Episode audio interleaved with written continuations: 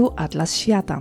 Podcast, który opowiada o świecie przez pryzmat wydarzeń, zjawisk społecznych, politycznych oraz kulturalnych. Powstawanie podcastu możesz wesprzeć wpłatą w serwisie Buy Coffee pod adresem buycoffee.to łamane atlas myślnik świata. Serdecznie dziękuję.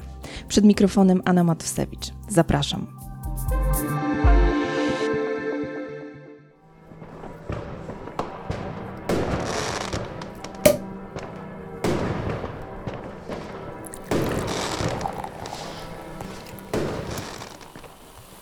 Wznoszę dzisiaj z Wami toast nie tylko noworoczny, ale i urodzinowy. Atlas Świata wystartował równo rok temu. To Wasza uwaga i ciekawość świata oraz zaangażowanie moich rozmówców i rozmówczyń jest paliwem Atlasu. Czysta, odnawialna energia bez wad i akcyzy. Atlas Świata znajdziecie też w serwisie Buy gdzie zachęcam do finansowego wspierania pracy nad podcastem. W opisie odcinka zostawię też linki do newslettera oraz do moich mediów społecznościowych, Twittera i Instagrama i zachęcam do pozostania w kontakcie. A teraz do sedna.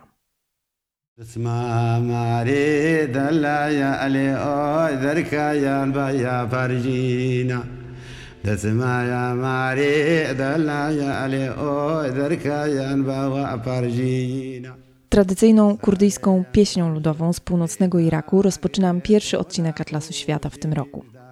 Spotkałam się z porównaniem, że Kurdowie są jak niegdysiejsi Polacy pod rozbiorami, tylko do Kurdów nie uśmiechnął się los, by marzenie o własnym państwie mogło się zrealizować.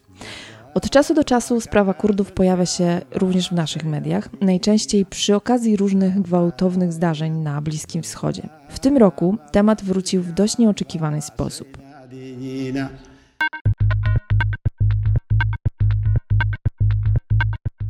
W połowie maja Szwecja oraz Finlandia zdecydowały zgłosić akcesję do Sojuszu Północnoatlantyckiego.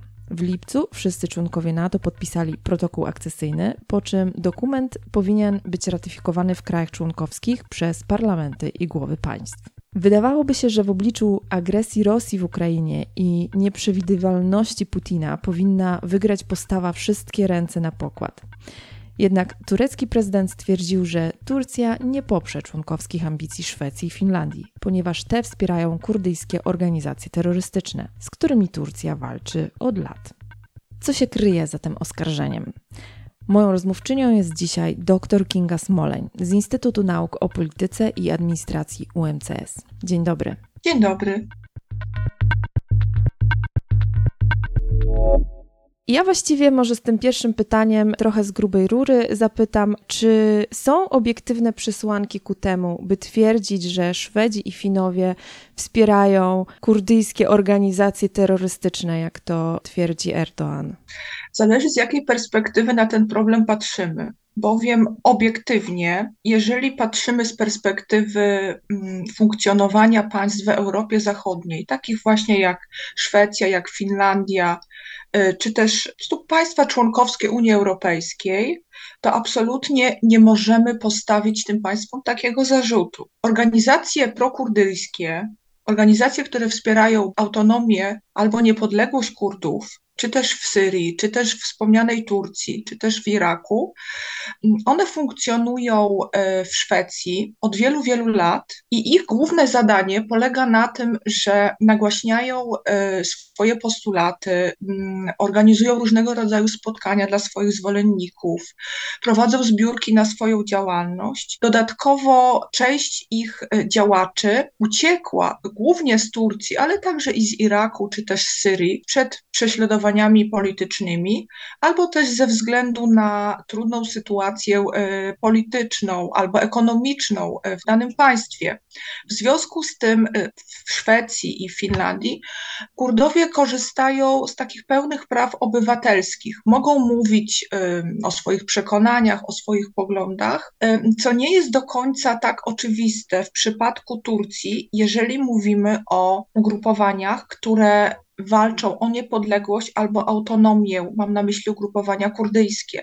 Tak podkreślam, bądź autonomia, bądź y, niepodległość, bo to nie jest oczywiste także dla samych Kurdów. Nie będę wchodziła w ten wątek, aby on jakby nam nie zamazywał całego obrazu, ale trzeba powiedzieć, że tu także nie ma zgody z perspektywy y, Kurdów, czy walczymy o niepodległość, czy o jakiś rodzaj autonomii. Natomiast jeżeli chodzi o Turcję i, i, i, er, i Erdoana, Kurdowie jest to bardzo wrażliwa kwestia dla, dla Turków, ale także i dla y, władzy Turcji. Mhm. Musimy tutaj troszeczkę odwołać się do historii. Mianowicie Kurdowie jest to największa y, mniejszość etniczna na świecie, która nie posiada swojego państwa. Nie podam dokładnie liczby Kurdów, z tego względu, że nie mamy tutaj wiarygodnych statystyk. Mówi się, że e, ta liczba może wynosić nawet ponad 30 milionów. I Kurdowie w większości zamieszkują Kurdystan, czyli obszar, który znajduje się w centrum Bliskiego Wschodu i obejmuje terytorium czterech państw, czyli właśnie Turcji, Syrii, Iraku i Iranu.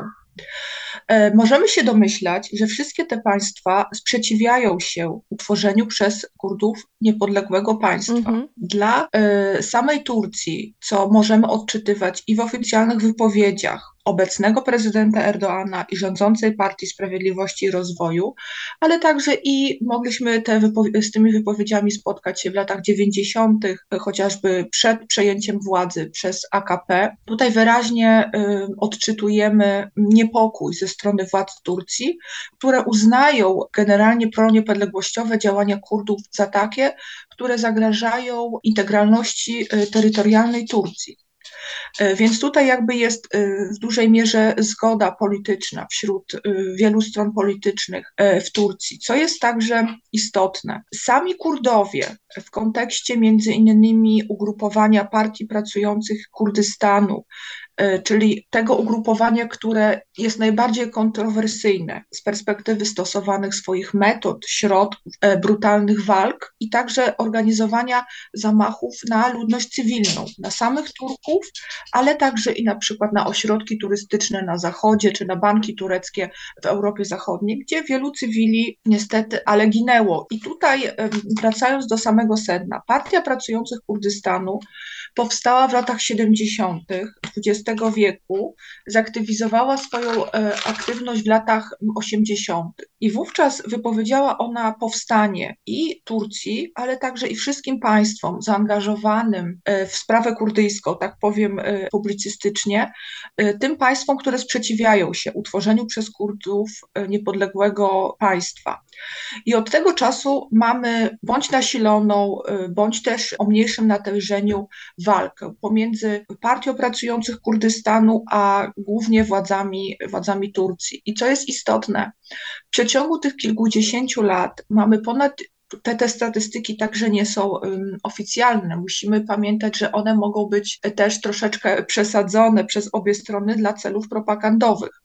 Ale mówi się o ponad 10 tysiącach rannych, o ponad 6,5 tysiącach ofiar po stronie Turcji, mam na myśli tutaj e, cywili. I jeżeli chodzi o bojowników kurdyjskich, to prawdopodobnie jest to nawet ponad 30 tysięcy osób, które w jakiś sposób ucierpiały na skutek zaangażowania w te walki.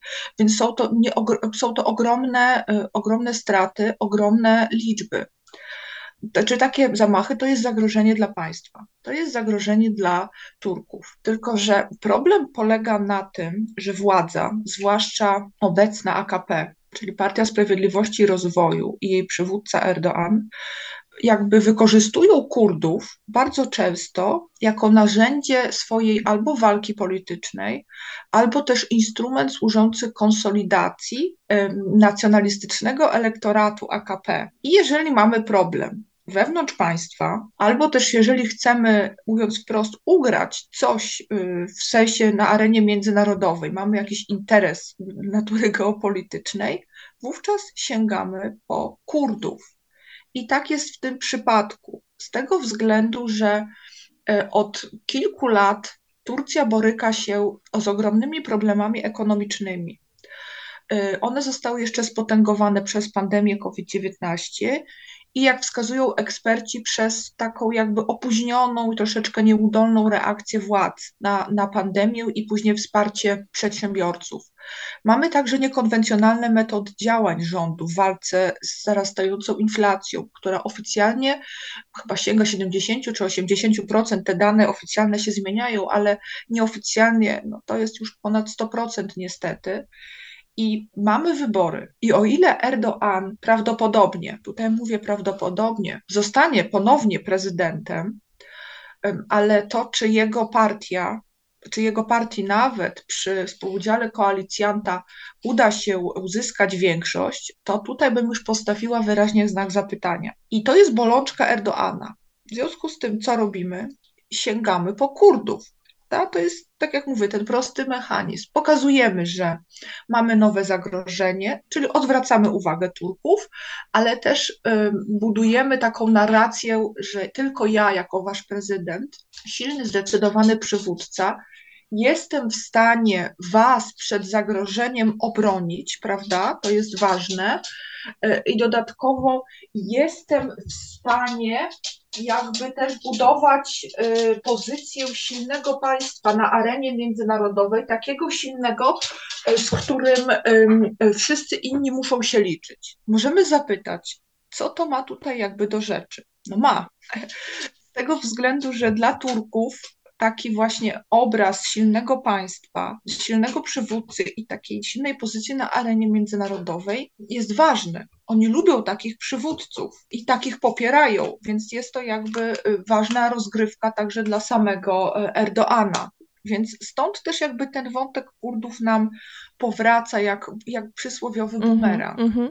Ja właśnie y, chciałam zapytać y, o, twoją, y, o Twoje zdanie, jak ta gra między, dyplomatyczna gra między Szwecją i Finlandią a Erdoanem będzie wyglądać dalej, bo wydaje mi się, że w momencie, kiedy nagrywamy tę rozmowę, ten podcast, to tylko dwa kraje nie ratyfikowały, nie zatwierdziły przystąpienia Szwecji, Finlandii do Y, do NATO. Jest to Węgry, chociaż Orban zapowiedział, że się zgodzi na to. No i Turcja właśnie. I y, wśród tych żądań Erdoana wobec Szwecji w szczególności w tym przypadku znalazło się, znalazło się żądanie rezygnacji ze stanowiska szwedzkiego ministra obrony bo jakiś czas temu on się spotkał na Zoomie, na takim oficjalnym spotkaniu, na oficjalnym Zoomie z tam chyba z liderami SDF, czyli y, syryjskich sił demokratycznych, gdzie właśnie Kurdowie odgrywają bardzo ważną rolę. Y, no i ten minister odszedł w październiku i tak się zastanawiałam, czy to jest y, takie krok po kroku ustępowanie Erdoanowi i jak daleko y, Szwedzi na przykład są w stanie pójść, e, żeby właśnie uzyskać ten swój cel przystąpienia do NATO, czy być może będzie to taka tylko mm, dyplomatyczna gra, że gdzieś tu Szwedzi lekko ustąpią, ale Erdogan po prostu chce e, no, pokazać tą swoją siłę. Jak sądzisz, jak to będzie wyglądało, czy też wygląda? Jesteśmy tutaj świadkami dość interesującej gry politycznej. Dla Szwecji, generalnie dla całej społeczności międzynarodowej, zachodniej społeczności międzynarodowej, dużym szokiem była wojna na Ukrainie. I tak jakby teraz ta główna racja stanu, prawda, Szwecji nakazuje im za wszelką cenę porzucić tą dotychczasową ich politykę, nazwijmy to, neutralności i za wszelką cenę wejście do Sojuszu Północnoatlantyckiego czyli bardziej straszny Putin niż Erdoğan. Mhm. Tylko tak, teraz Szwecja próbuje w jakiś sposób dogadać się z Turcją, czyli właśnie e, wspomniałaś o dymisji ministra, e, i to był taki krok jakby w stronę Turcji, że okej, okay, my chcemy rozmawiać, jesteśmy gotowi do pewnych ustępstw. Dodatkowo e, kilka miesięcy temu w Madrycie i Szwecja, i Finlandia, i Turcja miały się także porozumieć e, w kontekście ekstradycji osób z potencjalnych, prawda, potencjalnych, ja to podkreślam, przestępców. Miały także dogadać się w kontekście, no tutaj nie wspierania, zwłaszcza chodziło o Szwecję, ugrupowań, które z perspektywy Erdoana i Turcji, interesów Turcji są organizacjami terrorystycznymi. I tutaj y, mamy na myśli ugrupowania kurdyjskie, które działają bardzo aktywnie na północy Syrii, czyli na tych obszarach, gdzie y, na skutek swojej dużej mierze partyzanckiej działalności Kurdom udało się utworzyć y, de demokratyczny system federalny północnej Syrii tak to powinno chyba brzmieć formalnie, czyli rożawe, jak potocznie tutaj mamy, mówi się o tym obszarze w doniesieniach publicystycznych. Oczywiście jest to obszar zarządzany przez Kurdów, który jest wyłączony z pod władzy e, prezydenta Bashara al-Assada, co też jakby spędza sen z powiek e, samej, e, samej Turcji, gdyż ona jakby chce całkowicie kontrolować te obszary e, północnej Syrii i tam mówi się, że Erdoğan planuje przemieścić uchodźców syryjskich, którzy od kilku lat zamieszkują Turcję w takich obozach humanitarnych. To absolutnie nie mamy tutaj jakiegoś negatywnego wydźwięku. To są dobrze funkcjonujące obozy dla uchodźców. Chodzi o to, że Turcja nie posiada już wystarczających środków ekonomicznych, ekonomicznych, aby dalej utrzymywać uchodźców. Pomoc Zachodu jest niedostateczna, w związku z tym, aby w jakiś sposób też nie um, zwiększać tych negatywnych nastrojów wśród Turków, no, chce Erdoğan spektakularnie jakby załatwić problem, mówiąc nieelegancko, w ten sposób, aby ich przemieścić na, na północne obszary Syrii. Stąd też te ataki, prawda? Mamy tutaj obecnie od kilku tygodni takie wzmożone ataki na, pół, na północy Syrii, na te, na te obszary, aby stamtąd po prostu usunąć mm, Kurdów.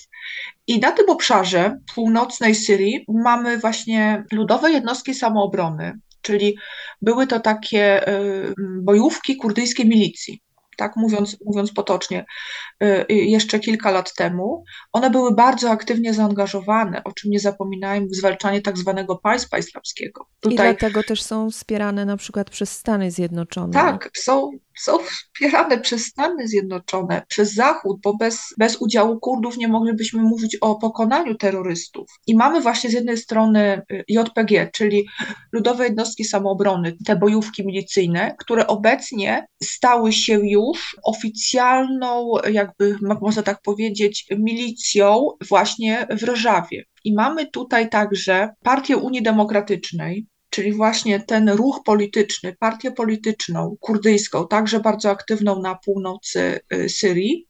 No i biorąc pod uwagę, że te ugrupowanie, ale także i kontrowersyjna, wspominana przeze mnie Partia Pracujących Kurdystanu, że te ugrupowania są aktywne właśnie między innymi w Szwecji. Mogą prowadzić tam po prostu swoją działalność, agitować, tak jak wspominałam na początku naszego spotkania. To jest z perspektywy Turcji kontrowersyjne. I tutaj jakby, jakby Szwecja może ustąpić. Czyli mogła powiedzieć, że już nie będzie wspierała tych wspomnianych ugrupowań. To jest jakby taka deklaracja polityczna, bo jednocześnie stwierdziła, że pomoc humanitarna dla Kurdów w Syrii będzie dalej przez Szwedów e, kontynuowana. E, mamy także deklarację rozpatrywania przez Szwedów każdego wniosku o ekstradycję złożonego przez Turcję. Tylko z drugiej strony mamy tutaj Turków, którzy chcą uczestniczyć, być stroną także w każdym postępowaniu. I pojawia się problem, bo my możemy rozumieć te deklaracje polityczne e, Szwecji, że Szwecja ma jakby swój interes, aby wejść do NATO.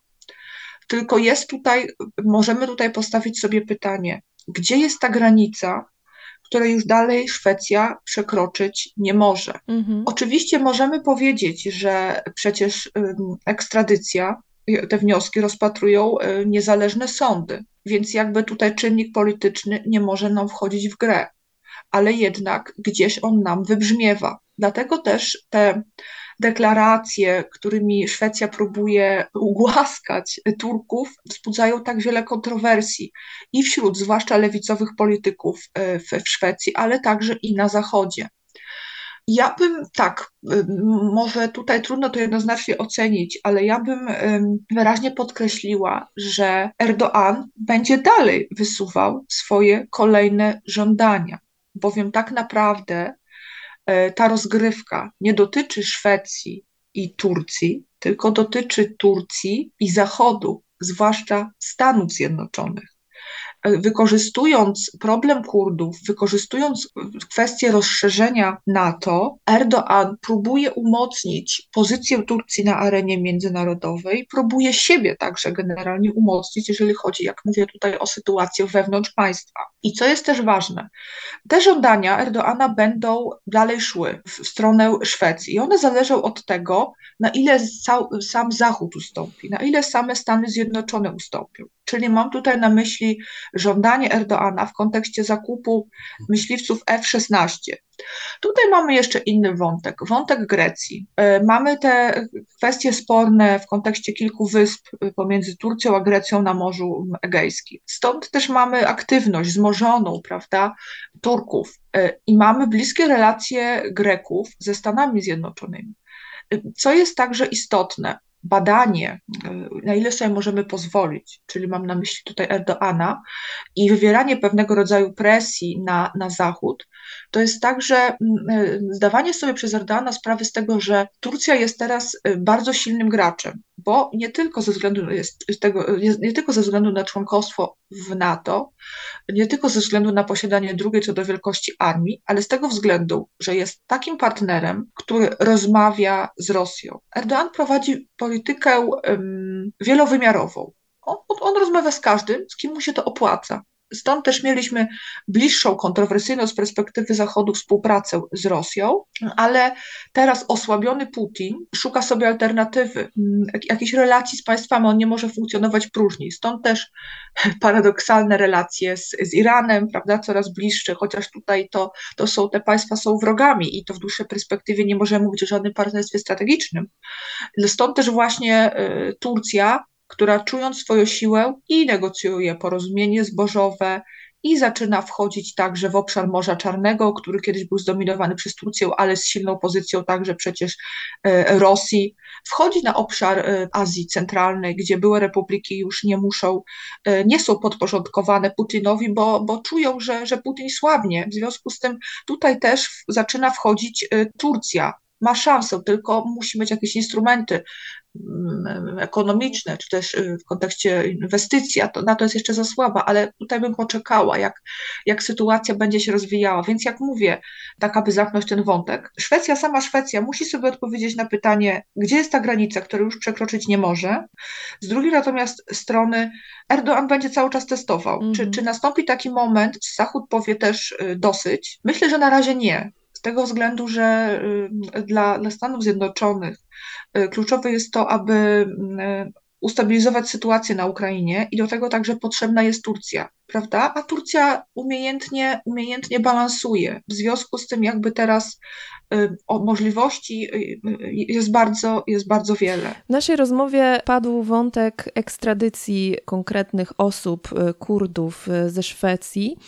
I to też jest y, dosyć ciekawe, bo kiedy rozmawiamy tutaj o tych żądaniach Erdogana, to nie mówimy ogólnie o mniejszości etnicznej, mniejszości narodowej, ale też o konkretnych nazwiskach. I czasami mm, są to bardzo ciekawe postaci, na przykład parlamentarzystka szwedzka kurdyjskiego pochodzenia, Amineh Kakabawech, która y, również na scenie y, krajowej polityki szwedzkiej y, zapisała się jako bardzo aktywna polityczka i działaczka, i ją także Erdoğan chciałby no, chciałby, żeby ją Szwecja wydaliła do Turcji. Może kilka zdań o tym, kim w ogóle ta pani jest i dlaczego Erdoğanowi tak na niej zależy. Tak, jest to najbardziej y, znana szwedzka polityk pochodzenia kurdyjskiego. Ona generalnie jeszcze była, była członkiem, nie wiem czy tak, tak można powiedzieć, peszmergi w Iraku,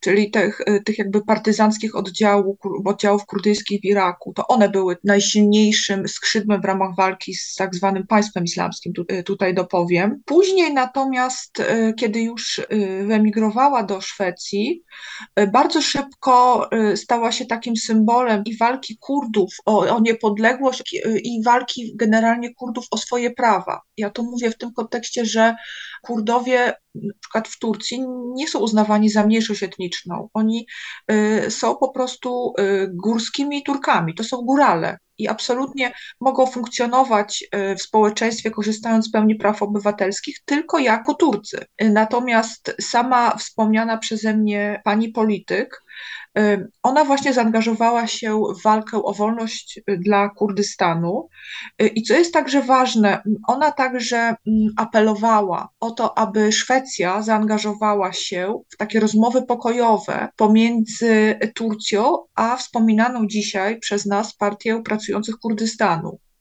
No oczywiście tutaj jakby nie na rękę jest Turcji zawarcie tego rodzaju porozumienia paradoksalnie. I jeszcze jedna kwestia. Mamy tutaj szereg innych nazwisk na tej liście, tak to nazwijmy, liście ekstradycyjnej Erdoana tak ją nazwę. Mamy tam wielu działaczy politycznych, niezależnych dziennikarzy, publicystów, naukowców, e, czyli są to osoby niewygodne dla AKP. E, dlatego też e, Erdoğan poprzez ekstradycję chce zamknąć im usta. I tutaj Szwecja myślę, że rozegrała to rozważnie, bowiem powiedziała, że będzie oczywiście rozpatrywać wnioski, wnioski ekstradycyjne, ale na żadną z list się nie zgodziła, nie zaakceptowała żadnego nazwiska. Tym bardziej, że mówię, że to nie są przestępcy, y, to są po prostu działacze y, y, społeczni, polityczni, działacze kurdyjscy. Natomiast tutaj kontrowersję wzbudza także fakt, że zwłaszcza od lipca 2016 roku i, i nieudanego zamachu stanu w, w Turcji, mamy taką jakby serię zmasowanych, e, nasilonych aresztowań, właśnie dla, w kontekście i wojskowych, także podejrzanych o zorganizowanie puczu, ale także i wobec właśnie opozycji. I tutaj mamy aresztowania, prześladowania rodzin osób aresztowanych, mamy tutaj ich przetrzymywanie w więzieniach bez jakby przeprowadzenia rzetelnego procesu, prawda, osób po prostu zatrzymanych, które są bezterminowo przetrzymywane. E, e, mamy masowe zwolnienia, nie wiem, z uniwersytetów, ze szkół, zamykane mamy y, gazety niezależne, więc jakby te, ten kierunek, ten wektor autoryta, y, w kierunku autorytaryzmu, on uległ bardzo silnemu nasileniu, więc jakby tutaj Szwecja też zdaje sobie sprawę, że jakby zgoda na ekstradycję wspomnianych aktywistów, to jest po prostu jakby y, wejście, wspieranie po części jakby, prawda, autorytaryzmu w Turcji i to jest tylko i wyłącznie czysta gra polityczna Erdoana. Ja jeszcze tutaj wspomnę, że mówiliśmy o tych ugrupowaniach kurdyjskich na czele z, e, z Partią Pracujących Kurdystanu, ale mamy także ruch e, Fetulaha Gilena, czyli kaznodziei, dawnego współpracownika politycznego Erdoana, który stał się jego e, głównym rywalem politycznym i w rezultacie tych konfliktów politycznych od wielu lat przebywa już w Stanach Zjednoczonych, uciekł z Turcji, przebywa w Stanach Zjednoczonych i on był też jakby oskarżony przez Erdoana o zorganizowanie zamachu y, stanu w 2016 roku i od tego czasu też właśnie część działaczy, która y, współpracowników, osób popierających Gilena, która funkcjonuje y, w Skandynawii także jest, jest ścigana przez Erdoana ale to jest, tak jak mówię, to jest kwestia po prostu rozliczeń, wewnętrznych rozliczeń politycznych Erdoana. E, skoro już mówimy o aktywistach, znanych osobach, e, Kurdach e, w Szwecji i Finlandii, to proszę powiedzieć, skąd w ogóle w tych krajach są Kurdowie? Ten ruch migracyjny Kurdów do wspomnianych przez Ciebie państw, on sięga już lat 70. XX wieku. I tutaj podłoże jest różne. Jedni faktycznie emigrowali e, z powodów politycznych, bowiem byli posądzani właśnie o związki z coraz bardziej aktywną partią pracujących Kurdystanu i po prostu wyjeżdżali przed prześladowaniami politycznymi.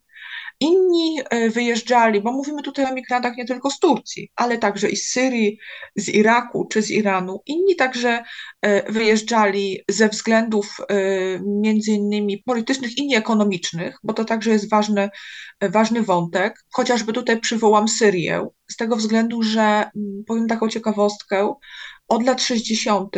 Kurdowie w Syrii nie posiadali obywatelstwa syryjskiego, czyli byli bezpaństwowcami. Biorąc pod uwagę, jak takim, jak, jak takim ludziom, którzy są bezpaństwowcami, trudno funkcjonować w państwie, prawda, osiągnąć jakąś jakość życia, czy w kontekście dostępu do edukacji, czy do służby zdrowia, no to część z nich, jeżeli miała taką możliwość, wyjeżdżała. W Iraku sytuacja była troszeczkę lepsza, tak samo jak, jak w Iranie, ale w każdym z tych państw to są mniejszości, które absolutnie nie mają w jakiś sposób uregulowanego swojego statusu i, i poza tą federacją jeszcze w, powstałą federacją w Iraku, już po interwencji Stanów Zjednoczonych w Iraku, to tutaj ta mniejszość nie, po prostu nie, nie miała możliwości ani pełnego rozwoju gospodarczego, ani politycznego, ani, ani społecznego. Więc część ludzi migrowała ze względów politycznych przed prześladowaniami, inni po prostu za lepszym życiem, tak mówiąc, mówiąc w skrócie. Natomiast jeszcze proszę wziąć pod uwagę także jakby te wszystkie przemiany polityczne w tych państwach, czy też społeczne. W międzyczasie mieliśmy przecież pierwszą, drugą wojnę w Zatoce Perskiej, także mm, e, znalezienie się, jeżeli chodzi o Irak, teraz w sytuacji państwa dysfunkcjonalnego całkowicie. Mieliśmy walkę z ISIS. Taka sama sytuacja przecież jest e, w przypadku Syrii, państwa zrujnowanego przez wieloletni konflikt, który jest, który tak naprawdę jeszcze nie jest przecież e, zakończony. Więc w takich państwach trudno o jakieś warunki życia. Mamy Turcję, gdzie tak jak mówię, jesteś Turkiem, nie przyznajesz się do, swojej, e, do swojego kurdyjskiego pochodzenia, albo może przyznajesz się, ale nie walczysz o coś więcej, jest okej, okay, ale jako Kurd nie funkcjonujesz politycznie, społecznie. No i mamy Iran, gdzie także mieliśmy różne te, te przemiany, oczywiście, jeżeli chodzi o wspomnianą, e, o wspomnianą rewolucję z końca lat 70. E, więc mówię, tutaj te, te, te przyczyny migracji są różne. Natomiast, jak wiemy, państwa y, skandynawskie oferują i wolność, i pełnię swobód obywatelskich, i godziwe warunki y, ekonomiczne, bo wiemy, że są to państwa dość, tak to nazwijmy, opiekuńcze, więc, y, więc były taką jakby dobrą drogą dla, dla Kurdów, aby tam czy kontynuować swoją działalność polityczną, czy też rozpocząć nowe, nowe życie, lepsze życie. A ja jeszcze tutaj wspomnę o takiej ciekawostce. Właśnie wspomniany przeze mnie ten demokratyczny system federalny północnej Syrii, czyli tutaj, jeżeli chodzi o rząd Rożawy, to on ma w, w Szwecji swoje przedstawicielstwo oficjalne. Więc niby no, uznajemy, nie uznajemy Rożawy, prawda? Tutaj w tym kontekście, jeżeli przyjmujemy prawda, przedstawicielstwo, to jakby bez oficjalnej deklaracji, ale jednak uznajemy, prawda, Rożawę. Czyli to też jest tak jakby, mm, tak powiem, coś, co wzbudza kontrowersje z, e, z perspektywy e, Turcji. Więc e, wiele tutaj jest takich ciekawych wątków, które prawdopodobnie będą się dalej rozwijały, w zależności od tego, kto wygra wybory w Turcji w przyszłym roku. Tutaj wiele wątków także będzie się, może się różnie rozwijać w zależności od tego, jak będzie wyglądała sytuacja na Ukrainie czy Rosja będzie słabła, czy w tym kontekście Turcja będzie miała całkowicie wolną rękę na północy Syrii. Bo jak na razie widzimy, Rosja się sprzeciwia tym zbrojnym interwencjom na północy Turcji, a, e, czy przez Turcję na północy Syrii, ale, ale jakby na razie nie, nie podejmuje jakichś działań. E, więc tutaj to też jest ważna kwestia, plus jeszcze Stany Zjednoczone. Czy powiedzą jednak Erdoganowi, że koniec dos, dosyć ustępstw? Bo jak na razie to Biden, Biden także mm, e, czeka, gra na zwłokę, e, aby także w jakiś sposób nie, e, na nowo nie, nie spowodować tego, że Turcy wejdą w bliższe relacje z, z Rosją, bo to byłoby, byłaby bardzo trudna sytuacja dla Sojuszu Północnoatlantyckiego, dla Stanów Zjednoczonych, dla wydarzeń na, na Ukrainie. Czekamy na czerwiec, ale także i czekamy na, na nowy rok w kontekście e, wydarzeń na, e, na Ukrainie, bo wtedy jakby sytuacja może ulec diametralnie zmianie. E, I o ile, jeżeli Rosja będzie osłabiona, to sądzę, że wtedy z jednej strony Turcja będzie mogła przeprowadzić swoją ofensywę dyplomatyczną, ale z drugiej strony nie będzie musiała już tak jakby ostro grać y, z Zachodem, z tego względu, że ona będzie poszerzała swoją strefę wpływów, czy w Azji y, Centralnej, czy tak jak mówię, w basenie Morza, y, Morza Czarnego i, i wtedy także na Bliskim, na Bliskim Wschodzie. I być może wtedy to będzie taki naturalny kierunek rozwoju i, i realizacji tej neoimperialnej wizji polityki przez Erdoana w nawiązaniu do tego wątku dziedzictwa Imperium e, Osmańskiego. Bardzo dziękuję za spotkanie. Dziękuję bardzo. Gościem Atlasu Świata była dr Kinga Smoleń.